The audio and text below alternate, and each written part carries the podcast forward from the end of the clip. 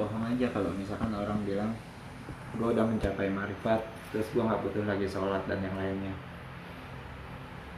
Itu sih menurut gue udah dukun lah ya sesat. Kayak kita minum kopi aja. Kopi gula air itu syariatnya. Kita aduk kita seduh dengan air panas kita aduk ini tarekatnya. Ya. setelah kita minum kita rasain rasanya kopi ada pahit ada manis ada Hmm. rasanya. Ini hakikatnya nah keseluruhan kita mengenal proses kopi ini ini yang kita bilang makrifatnya mengenalnya. Ini nggak pernah bisa dipisah satu persatu gitu. Kita cuman bilang kopi itu adalah rasanya pahit manis ini dan itu nggak bisa. Karena kalau kita mau bicara kopi kita bicara keseluruhan. Bicara minuman kopi bicara minuman keseluruhan. Jadi nggak bisa dipilah-pilah. Kalau orang bilang terusnya saya sudah ma'rifatullah terus saya nggak butuh syariat untuk dijalanin lagi. Ini menurut gua ngaco. Ini yang salah ini yang distorsi. Ya Rasulullah SAW kurang marifat gimana gitu bang? Sholat juga kakinya masih bengkak bengkak beliau. Ya kan? Kita sholat belang bentong atau pemahaman kita tentang ma'rifat. Siapa sih yang paling mengenal Allah itu selain Rasul SAW ya, Rasul doang yang paling kenal itu aja masih sholat. Ya, Rasul aja masih sholat. Terus kita mau mengklaim kita lebih mengenal Allah ketimbang Rasul gitu. Dengan kita bilang kita udah boleh tidak sholat. Kan itu pertanyaan ya sholat kan esensinya. Kalau misalkan ada yang bilang sholat kan esensinya mengingat Allah zikir Allah dirikanlah sholat untuk mengingatku misalkan. Terus kita bilang dengan gua nggak sholat pun dengan gua zikir Allah doang juga itu gua sudah mengingat Allah kan. Berarti gua nggak perlu sholat juga dong. Nah, misalkan kayak gitu. Lah sekarang memang lu pikir Rasulullah SAW itu nggak berzikir di saat diam juga kan berzikir di saat diam memang dipikir Rasulullah SAW ketika mendirikan sholat nggak berzikir. Kan berzikir juga. Terus kenapa Rasulullah SAW nggak meninggalkan sholat? Jangan-jangan kita yang nggak mengerti apa esensi dari sholat ini sholat ini kan kita nggak bisa pilah-pilah cuma sekedar esensi terdalam ini kita mengingat Allah bukan. Tapi kan utuh keseluruhan gerakannya niatnya salamnya bacaannya doa yang terkandung di dalamnya kondisi ihsan batin seseorangnya. Ini kan banyak aspek yang nggak kita bisa pilah-pilah. Dari yang kita nggak bisa pilah-pilah ini Rasulullah SAW yang paling memahami. Sedangkan kita cuma tahu sedikit doang terus kita berhak untuk mengklaim kalau nggak perlu sholat lagi. Nah ini kan namanya keblinger kalau menurut gue sih gitu. Nah ini direkam dah. Pod podcast. Buat siaran radio. gua kan kebetulan ikut tarekat Naksabandia, hmm. Abah Hanom, ah meditasi kita pada saya Suryalaya itu Mm-mm. abang ambil target sama siapa sama siapa waktu itu lupa gue namanya Hmm. itu udah lama dari SMP Mm-mm. itu cuman kan kat- ada kayak ustadz ustadz Wahabiyah itu kan bilang zikir yang gua baca di denger di YouTube gitu yang begitu begitu begitu itu yang pakai gerakan gitu. Mm-mm. bid'ah lah inilah itulah inilah itulah gitu. Karena kalau karena secara ilmu yang diajarin tuh sebenarnya itu gerakan itu tuh ada maksudnya. Karena hati itu kan kotor. Ya. Jadi perlu dihantam dengan gerakan-gerakan zikir yang menghantam Ya. itu hati. Ya. jadi setiap gerakan itu sebenarnya itu ada maksudnya apa yang dihantamkannya atau apa yang diinikannya itu. Ya kan namanya kita punya guru kan tadi itu orang itu kan perlu ada pembimbing kan. Mm-mm. jadi diajarkan. Jadi kalau orang nggak belajar dia nggak tahu gerakan itu maksudnya apa. Ya makanya perlu diajarkan itu ya supaya kamu bergerak begitu itu Mm. menggelengkan kepala begitu itu itu ada maksudnya ada tujuannya. Bukan hanya sekedar menggeleng-gelengkannya aja seperti orang seolah-olah orang gila. Kenapa sih orang tarekat Naqsabandiyah itu kalau zikir kuat-kuat? Kan kayak gitu kan banyak sih. Kenapa mesti zikir kuat-kuat? Geleng-geleng kayak gitu. Gitu loh ya kalau lu nggak belajar ya lu nggak bakal paham itu kenapa begitu kan gitu. Kembali lagi ke situ. Kalau gue sih sama itu ajaran nggak menyimpang ya. Iya, karena itu zikrullah kan? Iya, ya memang kenapa mesti bergerak begitu ya? Karena ada pemahamannya kan? Iya. dan itu bukan sesuatu yang di luar syariat juga gitu loh. Iya. ya menurut gue sih ya nggak masalah gitu. Zikir bergoyang para sahabat juga kan pernah. Terus zikir dengan suara keras juga para sahabat pernah. Sama Rasulullah SAW ditanya, kenapa kalian berzikir keras? Para sahabat, salah satunya yang bilang, supaya kita nggak ngantuk. Sama Rasul dibolehkan. Terus Abu Bakar dengan zikir dengan diam. Ditanya, kenapa engkau berzikir dengan diam Abu Bakar? sesungguhnya Allah maha mendengar sama Rasul SAW pun dibolehkan di kesempatan yang lain Rasul bilang yang terlalu keras rendahkanlah. Yang pun terlalu hening naikkanlah suaranya jadi diambil di pertengahan. Nah tentang bergoyang sih nggak ada masalah. Kalau di Naksabandiyah sepengetahuan Anda sih di Qadariyah khususnya ya. Zikir eh, nafi isbat la ilaha illallah tarik dari pusat terus di, dibuang ke kanan menafikan yang lain la ilaha illallah dihujamkan kepada hati isbatnya itu untuk mengokohkan. Tidak ada sesembahan yang lain yang patut hanya disembah hanya Allah dan dikokohkan ke hati supaya hati ini nggak berpaling ke mana pun selain pada Allah. Kan itu sedangkan naksabandia zikir diamnya itu dihujamkan terus kepada hati untuk supaya hati itu terus jantung itu setiap detak jantung dia berusaha untuk berzikir mengingat Iya. pada Allah. Kan yang diajarkan. Di mana salahnya kan Kan kayak gitu. itu sebenarnya adalah terapi. Terapi. Cuman kita kembali ina amalu niat niatnya apa? Karena ada beberapa ya kita kembali. Kalau bicara distorsi ada beberapa orang yang memang tatkala mempelajari itu niatnya tidak tulus untuk mendekat kepada Allah. Tapi kanuragan tadi. Ada niat-niat yang lain, ada niat buat mereka sakti kanuragan dan yang lainnya, ada niat yang sifatnya duniawi dan yang lainnya. Tetap Allah akan kasih, karena juga kan sudah disampaikan oleh Rasulullah SAW, Inna amalu niat, niatnya untuk apa? Seseorang yang berhijrah karena Allah akan mendapatkan. Seseorang yang berhijrah untuk mendapatkan surga akan mendapatkan surga. Seseorang yang berhijrah untuk perkara dunia akan diberikan dunia untuk wanita akan diberikan wanita tapi tidak akhiratnya ya itu tinggal dari situnya. Nah ini balik lagi perlunya pembimbing yang lurus bukan pembimbing kanuragan untuk supaya hati itu benar-benar lurus. Pikiran benar-benar lurus lillahi ta'ala. Nafi isbatnya benar-benar semuanya tertuju mintanya pada Allah. Kalau gue tuh memang dari kecil ya jadi nggak malah gue tuh nggak kepikiran kanuragan. Jadi ya karena situ tadi gue itu orangnya penakut. Kenapa gue nggak mau belajar yang ngelmu lah kata Hmm. orang itu. Bisa kebuka hijabnya bisa lihat ini bisa ngambil ini bisa Hmm. narik ini bisa begini begitu. Sama sekali gue itu nggak pernah kepikiran begitu. Karena gue basically gue penakut.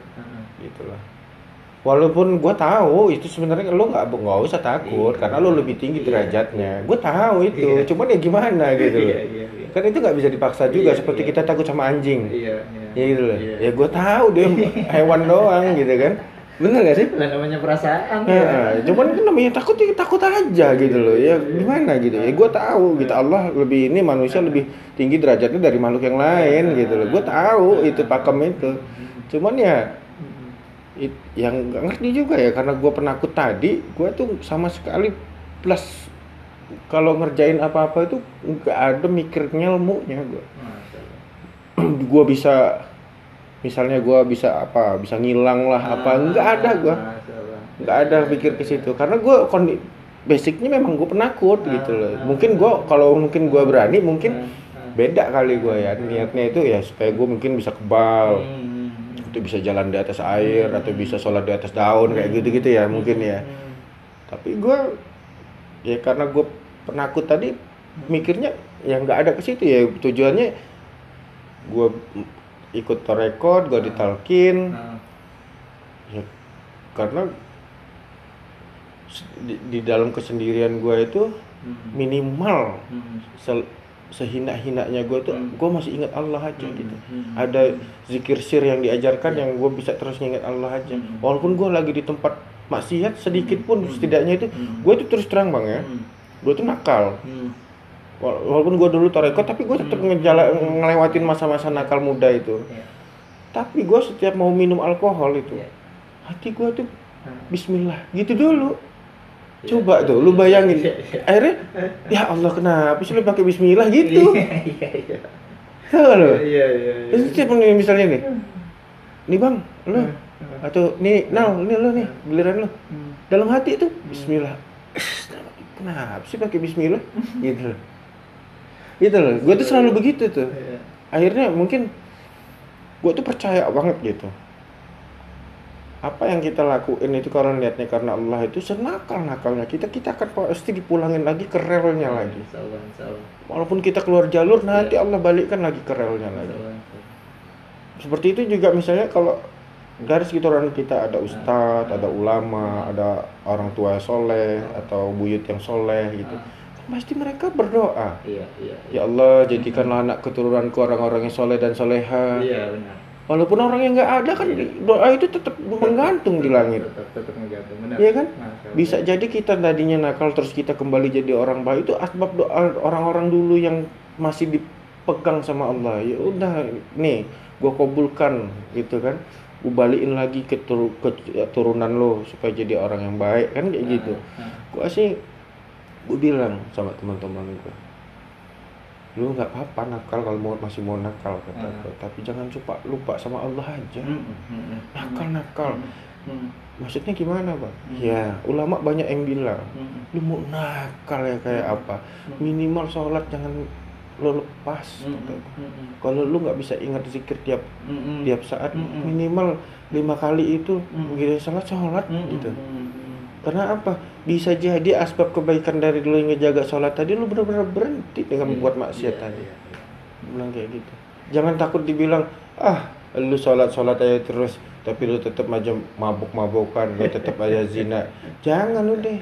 Apa dengan lu tetap mabuk mabukan terus lu berhenti sholat eh, lu gue yakin lu makin terpuruk kata Iya, gue iya, iya. lu makin lepas dari Allah. Iya. Karena apa nggak ada magnet tadi yang Iya. buat nginget Iya. minimal sehari itu lima kali Iya, iya, ngetuk pintu iya. buat hidayah tadi kata Lagi pula kalau mau dipikir kita misalkan ya artinya gini setiap orang kan diciptakan sama Allah dengan kriteria karakternya masing-masing terus ditentukan jalan suratan takdirnya sama Allah di awal kali diciptakan ruh itu kan udah jelas banget terus kita mau paksain orang atau kita mau paksain diri kita untuk menjadi orang lain atau orang lain untuk dipaksain untuk menjadi soleh kan juga nggak bisa. Artinya yang membolak-balikan hati ini kan cuma Allah doang. Gitu. kita mau paksa todong pakai senjata supaya lu sholat segala macam. Itu pun juga alasannya kita jadi bertanya di mana rahmatnya Islam? Kan gitu. Cuman tatkala kita kasih pilihan lu kagak mau sholat masa iya jikir aja lu berat? Kan gitu kan. Masa iya sih sehari semalam lu buat jikir aja sih berat kalau kagak mau sholat ya mungkin atas asbab jikir itu dia belajar jikir Allah balikin hatinya kan kita nggak tahu. Gitu. Kita nggak bisa paksa orang untuk berubah. Sekalipun kita ancam pakai pedang iya di depan kita sholat hatinya dia melayang ke mana-mana kan kita nggak tahu pikirannya ke mana-mana. Nah jadi ya kita sih sekarang maksudnya toh juga apa ya kalau kita merenungin kita pikirin seseorang juga masuk surga emang atas dasar apa apa atas dasar amal ibadah? Hmm. kagak bang. Rahmat Allah. Rahmat Allah ampunan Allah. Kita ngejar ini tuh. Ngejar ampunannya Allah supaya Allah ampuni. Tujuannya itu. Orang banyak ibadah baru seorang ahli ibadah. Ada seorang ahli ibadah itu dia dapat mimpi. Di sebuah riwayat tuh diceritakan ya. Dia dia mimpi ada suara. Hai tahukah kamu? Hai pula tahukah kamu? Mengapa engkau? Eh Sorry. Hei, tahukah ya pulang tahukah engkau atas dasar apa jika engkau kumasukkan ke dalam surga? Seseorang itu bilang atas amal ibadah yang telah kulakukan. Diperhitungkan dengan seadil-adilnya. Terus suara itu bilang, semua amal ibadah yang kau lakukan hanya cukup menutupi nikmat mata yang telah Allah berikan. Padahal sholatnya itu berpuluh-puluh rakaat bang. Sunahnya jalan terus. Kesehariannya bikin kitab buat umat. Agak sempet mikirin duniawi kayak kita. Lah itu buat nikmat mata doang. Belum hitung dosa yang lain ya kan. Hanya satu-satunya cara ya cuman kita dapat ampunan aja sebenarnya dan itu yang diajari dengan terus kita berzikir belajar berzikir apa pun kondisinya. Itu mudah-mudahan hati kita jadi lembut. Jadi lembut jadi akhirnya jadi lurus untuk mengharapkan ampunan Allah doang. Kalau orang balik lagi tadi berpikir gue udah mengenal Allah sehingga gue nggak perlu sholat lagi. Lah ini lebih parah lagi kan Iya. jadinya. Lu mau ngejar apa? Apalagi dengan angkuh arogan dan bangganya dia bilang lah gue udah ngerasain surga di dunia. Ketika gue ngerasain seneng hati gue udah itu surga di dunia. Kan kayak gitu kan. Kata beberapa orang tuh. Nah kita bilang surga itu isinya orang-orang bertasbih kepada Allah. Kalau lu cuma seneng doang lu nggak ada tasbihnya bagaimana lu punya hak buat mengklaim surga? Hmm, gitu. Kayak gitu ada kala ini banyak banyak terjadi distorsi distorsi sebenarnya. Cuman pun kita juga nggak bisa menyepali dengan eh, dengan emosional kepada yang berbeda-beda penilaian dan yang lainnya. Karena benang kusut kan kalau kita beresin pakai emosi tambah kusut yang ada. Sabar aja Tuhan. Insya Allah ntar Allah beresin semuanya dah jadi salah satu apa eh, tahjir mentahjir antar sesama muslim. Yang satu bilang ono sesat yang ini bilang itu sesat dan yang lainnya. Kita jangan main di ranah itu dah. Kita mau udah belajar aja belajar minta ampunan belajar sholat. Lambat aja lah. Belum genah genah Mm-mm. nah gitu Wajib lah. Ya, itu. Jadi gua gua itu sekarang ya itu tadi gua itu pengen banyakin amal jariah. oh, ya, Allah Ya, kayak gini bikin konten-konten gini kalau lagi ngobrol tentang yang ngopi lah perkara iman gitu. nah, Gua usahakan ya rekam kayak gini Allah. Entah siapa yang mendengar walaupun nggak ada yang mendengar juga nggak masalah. Tapi kalau ada yang mendengar dan bisa ngambil manfaatnya insya Allah kan jadi amal jariah kita kan. Amin amin. Baik pembicaranya siapa pun itu kan insya Allah jadi betul. jadi amal baik. Karena kan kita nggak tahu asbab amalan mana yang jadi pengampunan Allah Iya. kan. Bisa jadi kita nyingkirin menghindari menginjak semut itu yang jadi amalan yang terbaik Mm-mm. buat kita dimasukkan ke surga kan? Mm-mm. jadi kita tuh gua Karena tuh kalau kita mau saklek-saklokan Aduh kisah di zaman Rasulullah SAW Apa hukumnya Merusak benda Merusak barang Yang bukan Yang bukan miliknya? Apa hukumnya Orang yang Masih mabuk-mabukan Ini kan jelas secara fikih ya Di zaman Rasulullah SAW Ada namanya. Abang apa udah tahu juga kan?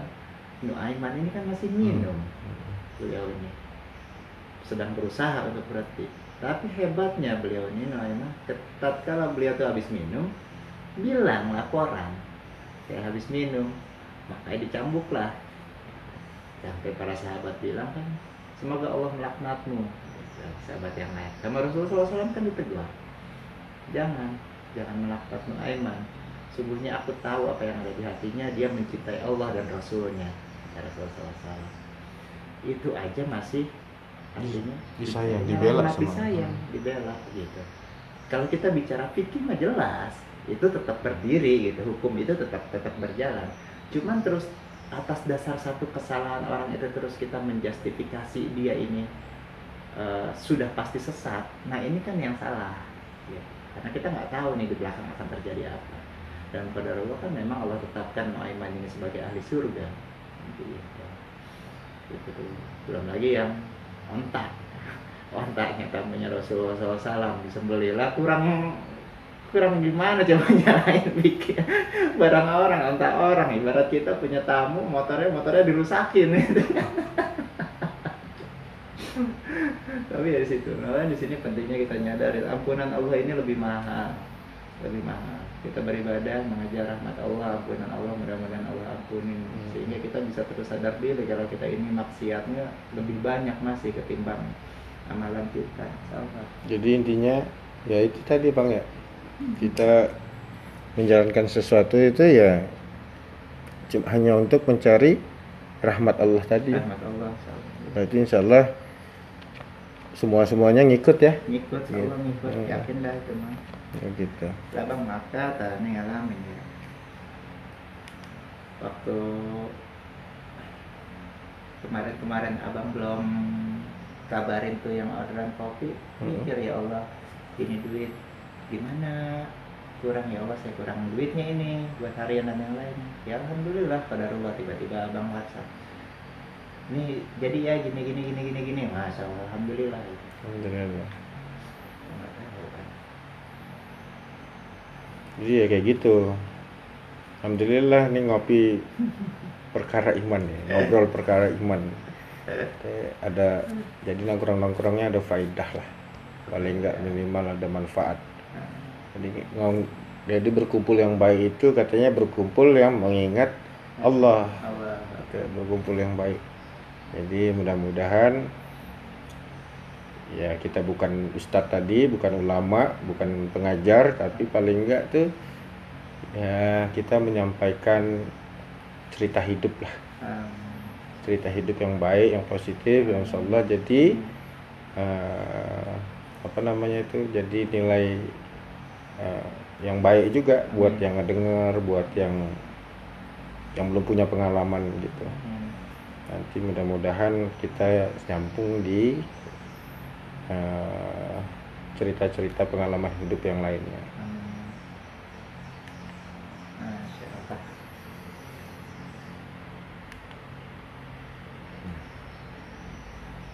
Abah Anom itu satu